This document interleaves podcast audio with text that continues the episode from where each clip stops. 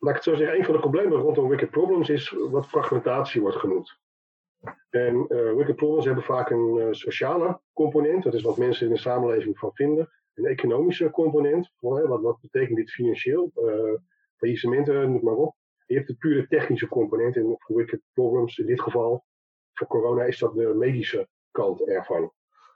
Omdat het aan elkaar trekt, zie je dat het Wicked Problem steeds gefragmentariseerder gaat worden. En een oplossing die voor iedereen te, te, te dragen is en te acceptabel is, wordt daardoor steeds minder makkelijk te bereiken. Want hoe meer oplossingen je hebt, hoe meer verschillende groepen er een mening over zullen hebben en hoe minder makkelijk ze bij elkaar komen.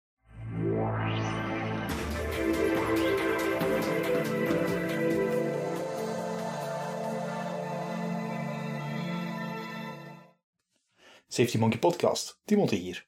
Hoe gaat het met jullie podcastaars? We zijn ondertussen half april, een maand ver in onze lockdown light. En deze week werden de maatregelen verlengd. Maar het is ook duidelijk dat men aan een exit strategy begint te denken.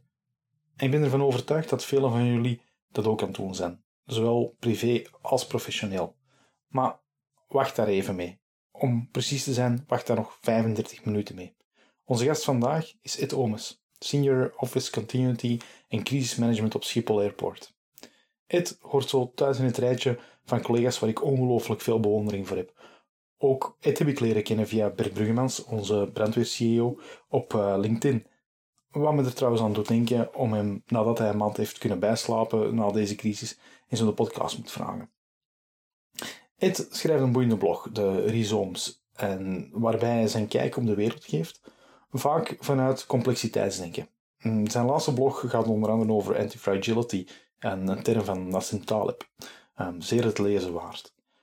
De aanleiding van deze podcast was ook een blog van hem over wicked problems en hoe corona een wicked problem is. Deze podcast gaat over doorgewinterde professionals zoals Ed, die in de aanloop van de corona hebben beleefd en net als ik een heel lange tijd verwacht had dat een tweede Mexicaanse griep of een tweede SARS ging worden.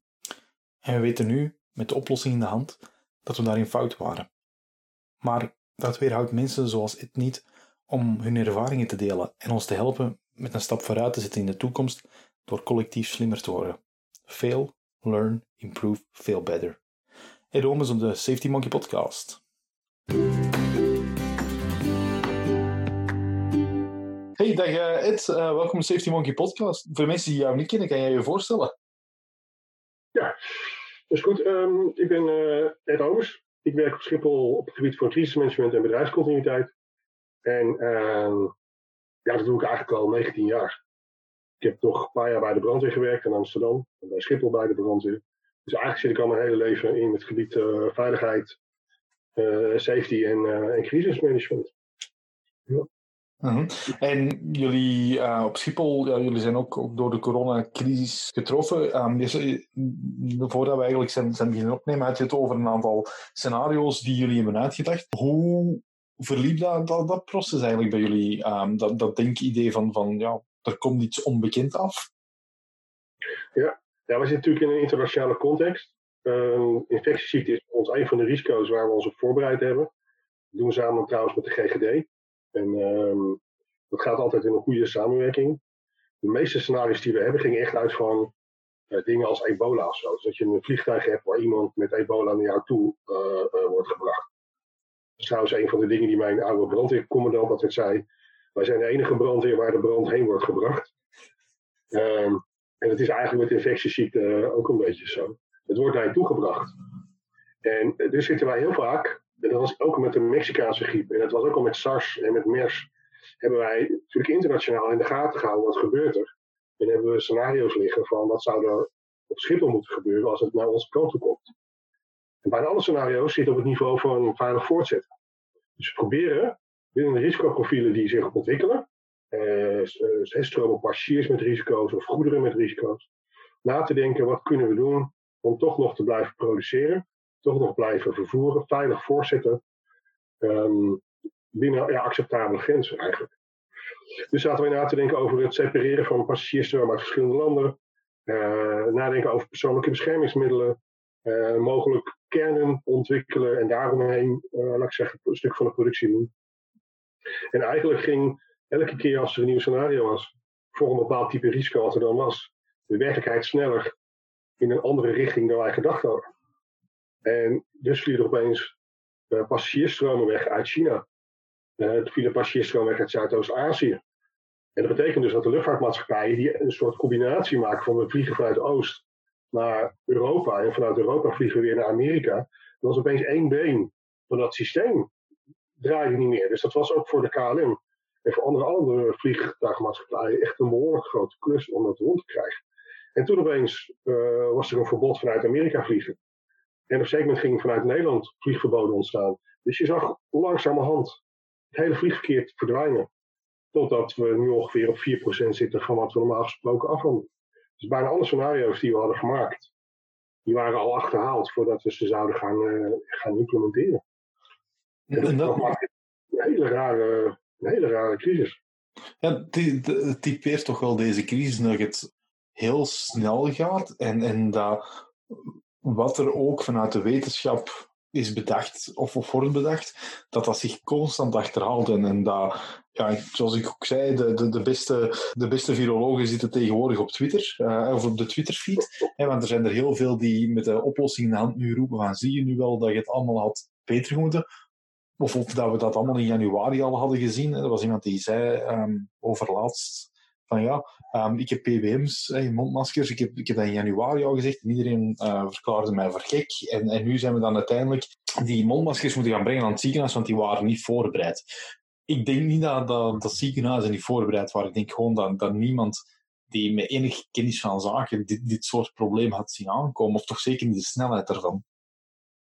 Nou ja, ik zou maar twee dingen willen splitsen. Uh, je hebt één groep mensen, dat noem ik even de achteruitvoorspellers. Die kunnen altijd heel goed uitleggen waarom je een maand geleden iets anders had moeten doen. En als je even kijkt naar corona en ik er zelf in, gezeten heb in, in het denken erover, heb ik me gewoon vergist. Ik had niet gedacht dat deze corona zo hard zou ontwikkelen. En dat, dat kwam onder andere door de informatie die uit China kwam, die was laat, was niet transparant. Er werd de indruk gewekt dat het ging om een soort van griep, dat het op SARS leek. He, er wordt er gelijk wel een metafoor in je hoofd gemaakt van wat je denkt dat het risico is. Dus en dat, zie je wat de afgelopen weken sowieso. Het gaat elke keer weer een andere kant op. En niet alleen vanuit corona zelf, maar ook door de manier waarop mensen erop reageren. Dat is één ding, corona. Het andere ding is van, wat voor maatschappij, wat voor keuzes heb je als maatschappij gemaakt om je te beschermen tegen, tegen dreigingen, tegen vulnerabilities. Hoe, hoeveel kwetsbaarheden heb je en hoe, hoe uh, manage je die? En daar zit wel een belangrijk ding, denk ik, van criticasters dat is dat er wel degelijk scenario's denkbaar zijn voor corona. Niet precies deze. Ik denk dat je dit niet kunt voorspellen vooraf. Maar je kunt wel voorspellen dat er een ziekte is die heel veel aanslag doet op bijvoorbeeld een grote groep mensen. En of het nou ouderen zijn met een dikke buik en een baardje, uh, of dat het nou jongeren zijn, dat, dat, dat hangt af van het specifieke virus. Maar je kunt wel uitrekenen wat het zou betekenen als 10% van je bevolking besmettelijk is, of 60, wat het betekent voor je economie. Uh, wat voor maatregelen je zou moeten nemen. Hoeveel je daarvoor zou moeten hebben. En dan ontdek je wel iets dat in onze westerse maatschappij we heel veel waardeketens geglobaliseerd hebben. Die vervolgens ook nog vaak naar het buitenland zijn gegaan. Zonder backup voorziening in Nederland of in België. Dus kijk naar de maakindustrie van mondkapjes bijvoorbeeld. Die is bijna volledig weg. Um, kijk naar medicijnen. Die worden vaak gemaakt in India en in in eh, eh, China. Ehm, het interessante daarvan is dat vorig jaar in Nederland er een tekort was aan bepaalde medicijnen. En dat kwam doordat er een paar productieproblemen waren in India en China. En omdat Nederland altijd de laagste prijs wil voor dingen, uh, werden wij gewoon als laatste in het rijtje gezet. En op dat moment had iemand wel moeten nadenken, hoe kwetsbaar zijn wij eigenlijk als land? Um, welke maatregelen hebben we genomen? En misschien moeten we minder geld willen verdienen en meer zelfvoorzienend kunnen zijn. Nou, daar zitten keuzes in als samenleving. Um, waarvan ik denk dat er terecht mensen zijn die zeggen dat had anders gemoeten. Ik, ik heb daar zelf ook al over in andere blogs over geschreven. Als je, als je het gedachtegoed van Nicolas Steler hebt over de Black Swan en over redundantie en anti-fragility dan zit dat vaak in een soort redundantie voor onverwachte gebeurtenissen. Dus je kiest ervoor om meer ruimte te creëren, zodat je alternatieven hebt op iets waarvan je nog niet weet dat het je gaat bedreigen. Maar ja, als je alles in een just-in-time keten produceert, zonder tussenvoorraad, en het niet meer zelf maakt, ja, dan heb je jezelf wel kwetsbaar gemaakt. Dingen zoals corona noem je het wicked problem. Waarom, waarom met die term en, en wat is dat nu dan zo anders aan dan ja, de andere problemen die we, die we vaak meemaken? Ik, het kwam er eigenlijk per toeval uit bij mij dat het een wicked problem was. Ik schrijf voor de Nederlandse Vereniging voor Veiligheidskunde een column in een blad. En ik had een stukje geschreven, een klein stukje over wicked problems. En dat ging eigenlijk over uh, een film uh, I, Robot. Uh, waarin een robot een keuze moet maken om een redding uit te voeren. Tussen Will Smith, de hoofdpersoon, en een, en een meisje. En hij kiest uiteindelijk voor Will Smith. Want die heeft namelijk de grootste kans op overleving. En dat is gewoon puur een rationeel algoritme. En Smith is daar boos over. Want hij vindt dat het meisje gered had moeten worden, want die was jong, had nog een heel leven voor zich.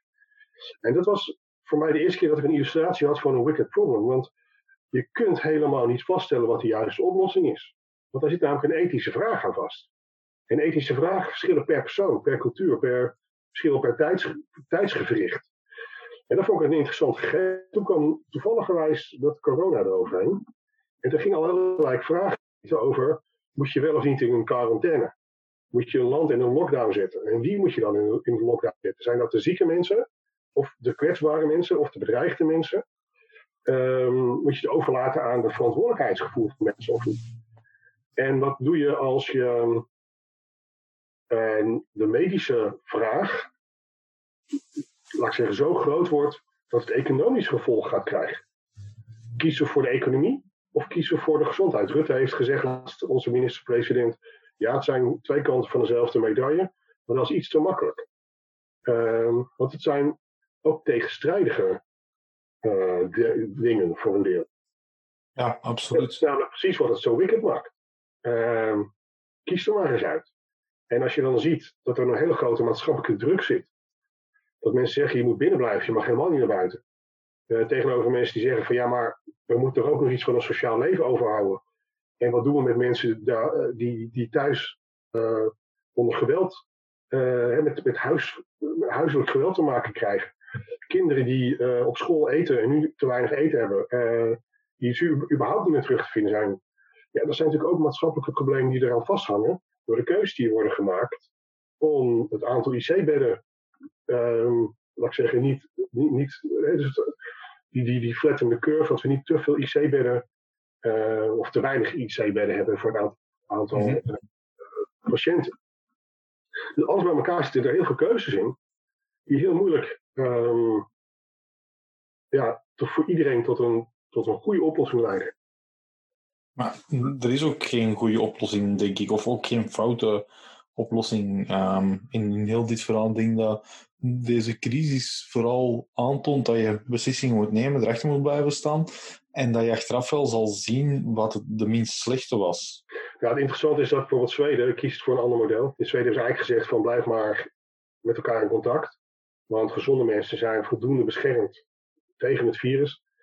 En daarmee creëren we een, een immuniteit in de groep, waardoor zwakke mensen later ook beschermd zullen blijven. En uh, ze hebben eigenlijk zwakkere mensen, kwetsbare mensen, die hebben ze wel in quarantaine gezet. Waardoor je ziet dat daar het aantal slachtoffers min of meer vergelijkbaar is met in uh, Nederland en België, orde van groot. Kijk, het zijn natuurlijk grote hoeveelheden slachtoffers, hè, over, het over enkele honderden. Um, en toch is het de vraag of dat nou duizend meer of minder significant is, of over de miljoenen mensen die we hebben, uh, waar we in de landen waarin we, in we, in we, wonen en leven, zeg maar. Hm. Dus, uh, en die, die oplossingen die we nu hebben, kan je het volgende wicked problem gebruiken? Of kunnen we dit eigenlijk alleen maar. Hey, leren we hier alleen maar uit voor, voor dit verhaal? Of, of kunnen we hier nog veel meer mee doen? Ja, het interessante van de wicked problem is dat die eigenlijk nooit herhaald wordt. Dus achteraf weet je uh, wat de beste oplossing was. En wat op beste oplossing misschien had moeten zijn. Maar in een nieuwe situatie is die dus niet meer wicked, want hij is voor een deel getemd als je het de volgende keer kan gebruiken. Daarmee is de volgende keer het probleem niet meer wicked. Als je de oplossing hebt. En dat is natuurlijk een, uh, ja, heel apart kenmerk ervan. Er is niemand die ervaring heeft. Dus je kunt helemaal geen gebruik maken van eerdere uh, situaties. Wat je merkt is dat er heel snel geleerd wordt. Dus er wordt heel veel ervaring opgedaan in een korte tijd. En je ziet ook dat allerlei mensen oplossingen doen in, in een snelheid die je normaal gesproken nooit voor elkaar had gekregen. Dus medicijnontwikkeling die veel sneller gaat. Ik geloof dat er nu al op drie vaccins op mensen worden uitgetest. Uh, dat vind ik snel, dat dat zo snel kan. Absoluut. Absoluut. Als, je weet dat een normale doorlooptijd gewoon rond de 10 jaar ligt, uh, dan, dan is dit ja, een sprint, eigenlijk is een marathon lopen op, op, op tempo van een sprint. Het is, het is, het is waanzinnig hoe creatief bedrijven nu uh, kunnen en willen zijn. Want, want um, ik denk dat dit nog weinig te maken heeft met, met winst willen maken, maar veel meer met je sociale verantwoordelijkheid nemen als bedrijf. Ja, dat denk ik ook. Waarbij ik wel gelijk aanteken dat bij de SARS toen de tijd uiteindelijk geen vaccin is gekomen, omdat er geen financiering meer was. En waardoor de SARS is uitgedoofd en men niet is doorgegaan met te ontwikkelen. Um, wat ik ook heel bijzonder vond, was dat Trump na drie weken SARS uh, zei: Ik ga een bedrijf kopen uit Duitsland die al ver was. En waarmee hij dus eigenlijk weer kapitaliseert uh, en het probleem alleen maar groter maakt. Stel nou voor dat het gelukt was. Dus de Europese Unie moest toen onmiddellijk gaan bijspringen bij dat bedrijf om ervoor te zorgen dat zij doorgingen met hun ontwikkeling binnen Europa. Dus er is wel gelijk toen financiering gekomen vanuit die kant. Het, is, het is wel een, interessante manier om te zien hoe dat verschillende landen uh, er anders mee omgaan. Je, geeft, je gaf er straks ook aan Zweden, uh, die op een heel andere manier ermee omgaan dan, dan wij in België en Nederland. Je hebt dan Frankrijk aan de andere kant, die, die ook nog eens um, andere oplossingen um, bedenkt. En veel strengere maatregelen. Je mag er bijvoorbeeld in de dag niet meer gaan joggen. Um, ja, Italië is het helemaal uit een boze. Voorzien we te veel oplossingen voor, voor dit soort wicked problem? Moeten we niet, niet veel meer gaan beperken? Ja, ik denk dat je niet te veel oplossingen moet hebben. Laat ik het zo zeggen, een van de problemen rondom wicked problems is wat fragmentatie wordt genoemd. En uh, wicked problems hebben vaak een uh, sociale component, dat is wat mensen in de samenleving van vinden. Een economische component, wat, wat betekent dit financieel, uh, faillissementen, noem maar op. Je hebt de pure technische component en voor wicked problems in dit geval voor corona is dat de medische kant ervan. Omdat het aan elkaar trekt, zie je dat het wicked problem steeds gefragmentariseerder gaat worden. En een oplossing die voor iedereen te, te, dragen is en te acceptabel is, wordt daardoor steeds minder makkelijk te bereiken. Want hoe meer oplossingen je hebt, hoe meer verschillende groepen er een mening over zullen hebben en hoe minder makkelijk ze bij elkaar komen. Een van de interessante dingen, die heb ik niet in mijn blog geschreven, maar die wel hier een rol speelt, is wat Vestinger in de jaren 50 de cognitieve dissonantie reductie noemde. Um, mensen die een tegenstrijdigheid ervaren in wat, ze, in wat ze zien en voelen, daarvan denk je in de ratio, zij zullen meegaan met wat de theorie en de redelijkheid ervaart en volgens vraagt. Maar dat blijkt niet zo te zijn. In de praktijk gaan mensen nog uh, strakker op hun eigen standpunt blijven staan, omdat zij die, die dissonantie die ze ervaren, gevoelsmatig compenseren en niet met behulp van de reden. Ja, ja, dat was ook een, een heel interessant experiment. Dat was een, bij een, uh, een groep die dacht dat de wereld ging vergaan. En ja. um, een van de dingen die Vestinger op voorhand had gezegd, uh, had voorspeld, is de wereld niet verging. Nu, pas op, dat was, was een socioloog. Ik vond dat wel vrij gewacht om zoiets uh, eh, natuurkundig te doen, maar bon. Um, maar hij had ook gezegd dat mensen zich, dat zij gingen zeggen dat het dankzij hen was, dat was een van zijn hypotheses, dat de mensen die, die die dacht dat de wereld ging vergaan, uiteindelijk het ook ging verklaren als het is dankzij ons, dankzij dat wij zo hebben geloofd en hebben gebeden en dat de wereld niet is vergaan. En dat bleek ook een van zijn, zijn van de hypotheses te zijn die, die uitkwam. Dat was best wel een interessant experiment. Ja, en ik vond het ook een. Ik, ik studeerde psychologie en toen kwam ik ermee in aanraking, daarom weet ik dat nog zo. Dat ik had verwacht dat die, dat die secte uit elkaar zou vallen. Maar de secte werd juist sterker. Precies door wat jij zegt.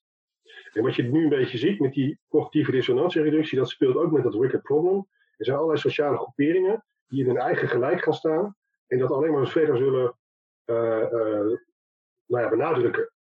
Je ziet het ook een beetje van de andere kant, hè, met die gekkies die nou denken dat 5G de oorzaak is van de coronacrisis. Er zijn op dit moment een stelletje idioten in Nederland die zijn zendmasten in de fik aan het steken. Er zijn al 17 branden gesticht. Oh, ook in Nederland? Ja, ja. En het is begonnen in, eh, in, Amer of in, uh, in Engeland. In Engeland, ja.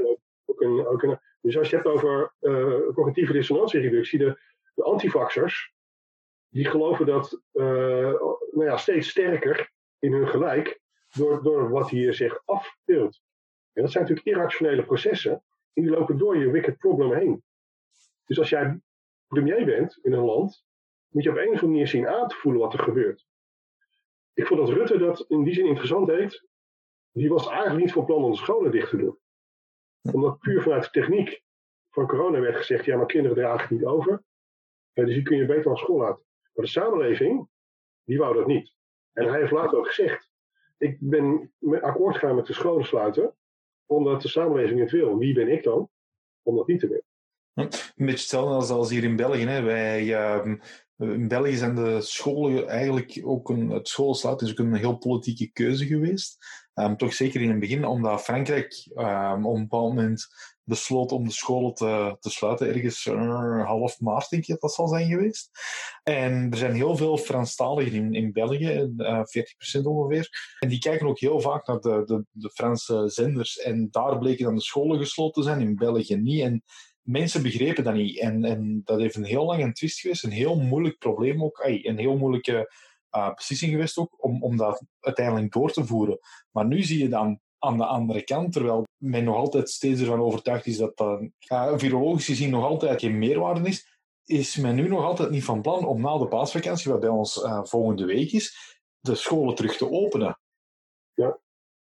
En dat is toch wel gek hoe dat beleidsmakers zich toch vaak laten leiden door, door dat emotionele, terwijl dat, dat ik denk dat, dat heel veel van dit soort oplossingen vooral komt uit ja, die specialisten zoals bij ons in, in, in België van Ransten de Gucht, die, die heel strikt zich aan, aan de wetenschap houden en, en ook toegeven dat ze niet altijd de waarheid in pacht hebben en, en ook zich vergist hebben. Uh, Mark, uh, Mark bij ons was een, van de eerste die zei van ja, het lijkt op een griep. En dat, dat, het had ook die kenmerken als je dat achteraf terug bekijkt.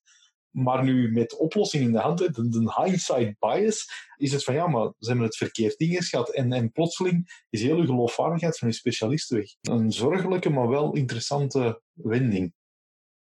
Ja, die hangt hier heel mee samen in dat wicked problem. Hoe moeilijk het is als die sociale component die je eraan trekt en die het probleem dus alleen maar groter maakt. En hoe meer variaties je erin kiest, hoe meer mensen allemaal iets van hunzelf zullen ervaren. En op grond daarvan een klein stukje van het probleem accepteren en de rest dan niet meer. Dus je creëert een soort tegenstelling binnen die, binnen die groepen. Dat is een van de redenen om niet al te veel variabelen te hebben. Dus ik denk um, een zware lockdown, of een intelligente lockdown, of een omgekeerde lockdown, dat is het wel zo'n beetje. En omgekeerd bedoel het model van Zweden. Hè, dat je zegt van nou, we gaan alleen maar de mensen die kwetsbaar zijn beschermen en de rest laten we open. Terwijl we het hier eigenlijk een beetje andersom hebben gedaan. We hebben de, de mensen die niet ziek waren in quarantaine gezet. Maar we hebben onze zwakkeren niet beschermd. Je ziet dus ook in verpleeghuizen bijvoorbeeld, uh, ouderenhuizen, dat daar enorme besmettingen die op dit moment plaatsvinden. En dat daar gewoon niet die bescherming heeft plaatsgevonden. Dat hebben ze in Zweden dus bijvoorbeeld wel gedaan. Oh, echt? Ah. dan heb je gelijk een andere kenmerk van zo'n wicked problem wel te pakken. Die oplossing is gelijk je pad. Je kunt niet experimenteren. Je kunt niet zeggen van nou we gaan eens even uitproberen wat er gebeurt. Um, en daarna doen we het gewoon nog een keer opnieuw. de effecten daarvan zijn onomkeerbaar. Je kunt niet even mensen weer levend maken. Je kunt niet even bedrijven die failliet zijn, zonder dat het heel veel geld gaat kosten, weer niet failliet maken. En dat is natuurlijk ook wat het uh, voor mensen ook zo onzeker maakt dat ze niet weten waar het eindigt. en dat zie je dus nu al, dat er studies komen, eh, wetenschappers die zeggen van de tweedeling in de maatschappij wordt door dit probleem alleen maar groter. Want jongeren die niet meer naar school gaan en het al slecht hadden, die krijgen thuis geen bijscholing, die krijgen geen onderwijs. Dus die, vallen terug. Terwijl, laat ik zeggen, hoogopgeleide, eh, succesvolle ouders, die hebben wel de ruimte en de tijd en het geld om hun kind uh, te onderwijzen. Dus daar zal de terugval minder zijn. Dus je krijgt ook een lange termijn effect door de maatregelen op korte termijn geen slachtoffers in je IC's te krijgen of niet te aantonen uh, in een korte termijn.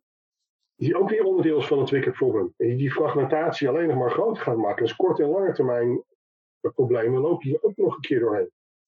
Is dat ook niet een, een van, de, van de extra on-top problemen die, die je hebt, um, vanuit dan de modellen gesproken bij deze coronacrisis, dat is ook nog VUCA is, volatiel, onzeker, complex en, en ambigu. dat mensen, ja, dat, dat, dat het zo complex aan het worden is en dat wat er ook komt, dat die onzekerheid zo groot is dat mensen ook niet, um, niet meer in staat zijn om het, om het te capteren op een, op een rationele manier? Ja, ik, ik denk. Um, het zijn brillen waarmee je naar een probleem kijkt. Wicked Problem is een bril. Je kunt er naar kijken als een rhizoom. Je kunt FUCA erop loslaten en dat overlapt een beetje met elkaar. FUCA kwam ik tegen in een uh, tekst van het Amerikaanse leger. Die hebben midden jaren negentig onderzoek gedaan naar de problemen voor de toekomst. Van hoe moeten wij onze mensen opleiden om uh, dan nog steeds effectief te zijn. En ze zijn met dat FUCA-model gekomen. En zij zagen dat naar de toekomst toe problemen niet meer klassiek zijn en duidelijk herkenbaar. Omdat alles met elkaar verweven raakt, gaan dingen ook ontwikkelen op een manier die niet voorspelbaar meer is. En dat gaat ook in een bepaalde snelheid, volatiliteit.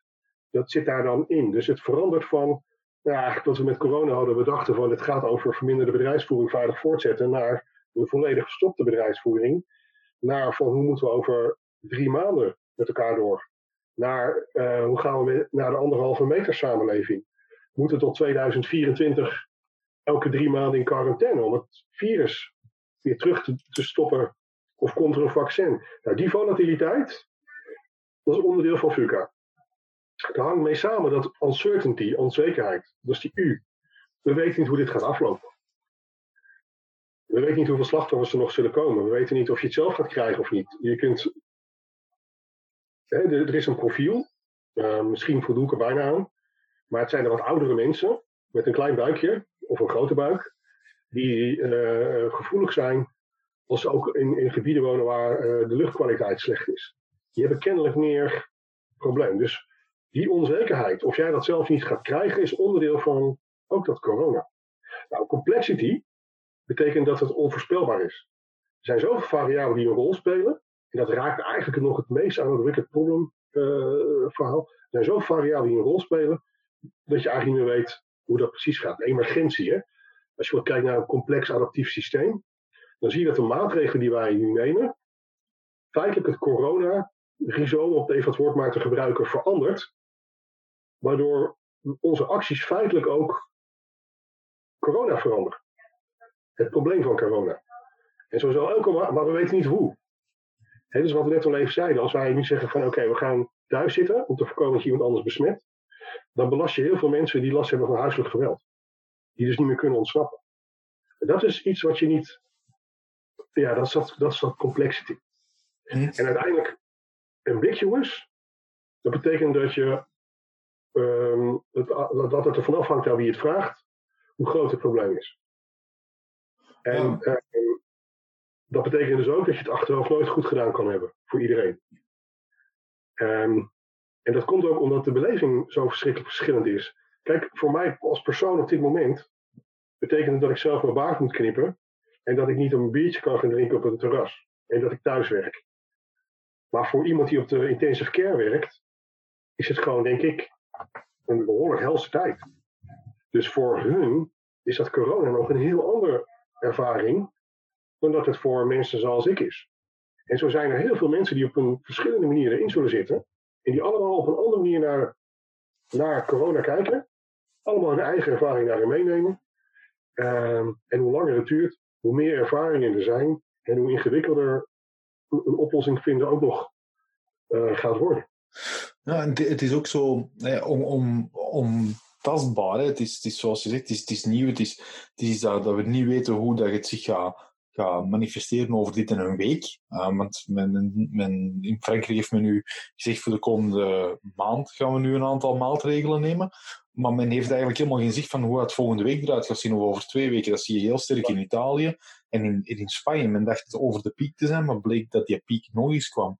Um, en dan het, een ander interessante aan, aan heel deze crisis um, is dat um, plots ook een aantal zaken worden blootgelegd waar dat je uh, misschien niet direct contact mee hebt in, in, in de samenleving. Ik las vandaag een artikel over het feit dat de, de zelfmoordcijfers, uh, dat men verwacht dat de zelfmoordcijfers na de crisis ongelooflijk de hoogte in gaan gaan. En, en al tijdens de crisis, omdat mensen die ehm, de hulp die ze eigenlijk hadden moeten zoeken, dat is, dat is ook weer de oplossing in hand, maar die men voordien had moeten zoeken, nu niet meer heeft. En dat men heel dat men geneigder gaat zijn om, om te grijpen naar ja, um, drastische zaken, uh, zoals het, het, beëindigen van hun eigen leven.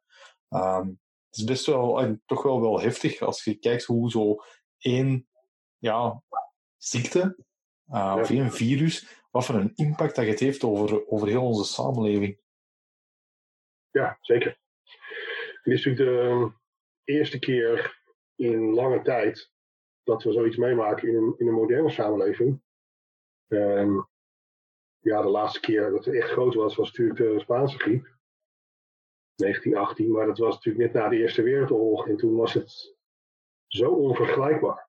Wat trouwens interessant is um, van de Spaanse griep, ik las van de week dat dat in Kansas is ontstaan, in Amerika. En ik vond het wel grappig, omdat Trump nogal van de toren blies over dat het een Chinees virus was en de Spaanse griep kwam uit Spanje vandaan. Die konden ze Kansas vanuit, kennelijk. Echt? Het kan nepnieuws wezen. Ik heb het nog niet 100% kunnen verifiëren. Maar het schijnt daar op. Um, het was een artikel wat ik las over uh, het samenwonen van mensen met, met dieren in een heel hoge concentratie. En dat het daardoor niet raar is dat er uh, uh, infectieziekten ontstaan, omdat die op elkaar overspringen met zoonosis en zo. En dat, ja, toen kwam dit verhaal voorbij. Wow. Oh. Ja. Als je de collega's die, die, die nu aan het luisteren zijn, die, die waarschijnlijk um, ook beginnend zijn met, met terug te kijken van goed, hoe gaan we terug naar normaal, um, naar een normale bedrijfsvoering gaan. Wel, welke tips zou jij hen meegeven vanuit de ervaring die je nu hebt gehad, um, van het scenario denken, naar als we terug naar normaal gaan, met wat moeten we rekening houden om, om niet nog eens in diezelfde trap te, eh, val te trappen. Uh, ik wou dat ik die tip had, want ik denk dat één ding ons nu geleerd heeft de afgelopen maanden, is dat uh, de oplossingen die je kiest maar heel kort werkbaar zijn, omdat het steeds verandert. Er gebeuren steeds nieuwe dingen waar je mee rekening hebt te houden. Ik zat laatst ook te denken van iedereen heeft het nog steeds over crisis, maar eigenlijk is het een nieuwe werkelijkheid. En de vraag is dus een beetje of we niet nu terug moeten, ook in bedrijven, naar uh, een afschaling van je crisisstructuur maar eigenlijk gewoon terug naar de manier waarop je georganiseerd was. En dan met een verminderde productie en met een anderhalve meter samenleving en met afspraken te maken over hoe je elkaar ontmoet. Omdat ik eerlijk gezegd niet verwacht dat dit op korte termijn uh, weg is. Um, ik zal een voorbeeldje geven. Ik had vanochtend een uh, vergadering met, met collega's over onze crisisteamoefeningen. Al sinds jaar en dag doen we dat elke maand met onze crisisteamsleden. Ehm, en hebben we gewoon een grote oefening met veel mensen. En een oefenkeuken met veel mensen. En dan, eh, nou ja, dan zitten we met heel veel mensen bij elkaar. Wij kunnen dat dadelijk eigenlijk niet meer doen. En we gebruiken die oefeningen om te kijken of wij als organisatie op onverwachte gebeurtenissen uh, waren voorbereid. Dus we hadden scenario's die niet in het crisisbestrijdingsplan staan, maar er wel tegenaan schurken. En net een andere oorzaak met een net ander effect. En wij bewegen dan mee, onze oefenkeuken bewegen mee met de oplossingen van ons crisisteam. En elke keer als ons crisisteam er bijna is, dan zeggen wij dat de zone van de naaste ontwikkeling zorgt ervoor dat we net een klein stapje moeilijker maken. Maar als je ziet dat het te moeilijk wordt, ja, dan ga je naar het ongrijpbare, dat heeft geen zin in, een oefensituatie, dus dan gaan we een klein stukje terug. Ja, op die manier oefenen we, trainen we, en doen we al sinds jaar en dag. En nu hebben we eigenlijk gezegd, dat kan eigenlijk niet meer. Want dan kunnen we niet meer met zoveel mensen in, in een ruimte. Maar we moeten wel onze teams oefenen. Dus we gaan nu in plaats van oefenen om vast te stellen of wij onze crisisteams, of die competent genoeg zijn om onverwachte gebeurtenissen aan te komen, veel meer naar een trainingssituatie toe, waarin we met een kleinere groep een kleiner scenario gaan pakken, um, in een anderhalve meter afstandssituatie, waarin we veel meer gaan trainen. Dus veel meer nieuwe dingen gaan neerleggen en heel specifiek. Dus bijvoorbeeld, uh, als wij een probleem met met IT-systemen. Dat wij ook als escalatiemanagers van IT er gelijk bij zetten. Misschien een klein uh, stukje communicatie nog erbij. Dan twee of drie mensen uit onze operations. En die moeten dan als kern het probleem zien te lossen, wat ze dan op dat moment voor zich krijgen. Dus we zitten al na te denken over hoe moeten we op een andere manier omgaan met onze crisisorganisatie. Even terug naar jouw vraag. Uh, wat voor tips zou je geven? Mijn tips eigenlijk, kijk of je terug kan met je organisatie naar de normale manier van werken zoals die er stond. Haal crisiskarakter ervan af. En ga nadenken over hoe ziet mijn samenleving eruit? Wat moet ik doen met die anderhalve meter? Wat, wat, ziet nieuw normaal er dadelijk uit? Omdat alle andere dingen, daarvan denk ik, daar kan je als individu niet heel veel aan veranderen. Tenzij je natuurlijk in de overheid zit en bij de minister-president uh, in de buurt. Maar je kunt daar niet heel veel aan veranderen. En je kunt eigenlijk alleen maar, dat is meer die stoïcijnse kant die ik ook interessant vind, accepteren dat sommige dingen gebeuren. Accepteren betekent niet dat je niets doet. Accepteren betekent dat anderhalve meter de nieuwe werkelijkheid is. En dat je dus gaat nadenken over wat betekent dat. Want ik kan corona niet veranderen. Ik kan de maatregelen die de overheid neemt voor quarantaine niet veranderen. Um, ik, ik kan niet veranderen wat andere mensen ervan denken. Maar ik kan wel veranderen de manier waarop waar ik mijn werk me inricht in een nieuwe situatie eruit gaat zien. Zie je nu wel dat die 35 minuten het waard gingen zijn? Het geeft nieuwe inzichten, maar waarschuwt ook wel voor de valkuil. Dat, je kan je voorbereiden, maar wees er ook bewust van dat het plan net zo goed terug de vuilbak in kan. Want het is een wicked problem. Het meest interessante vond ik de stelling dat we niet meer, dit niet meer als een crisis moeten beschouwen, maar als het nieuwe normaal, waardoor onze maatregelen ook helemaal anders worden. En wij mensen, wij zijn een adaptieve soort en we zullen die adaptatie nodig hebben. Het raadt het boek Young Man in Fire aan van Norman MacLean. Het is een verslag van het onderzoek van uh, Norman MacLean naar de uh, Mangulk-brand van 1949, waar dat uh, ehm, 13 mannen stierven. Het is een verslag dat is gemaakt door ehm, collega's van Ivan Puppelidi, die ook al op de podcast is geweest. Het was pas na het doorgedreven onderzoek dat bleek dat de combinatie van warmte, luchtstromen, vegetatie en windrichting een dodelijke cocktail vormde en de smokejumpers onmiddellijk insloot en in een val lokte waar de maar weinigen konden aanvertellen. Het is voor iedereen die ongevalsonderzoeken uitvoert de moeite om te lezen, niet enkel de brandweermannen en vrouwen onder ons. Dit was het voor deze week. Blijf veilig, blijf in uw kot. Vertel het door aan je vrienden en collega's. Abonneer je, blijf nieuwsgierig, stel alles in vraag en tot de volgende podcast.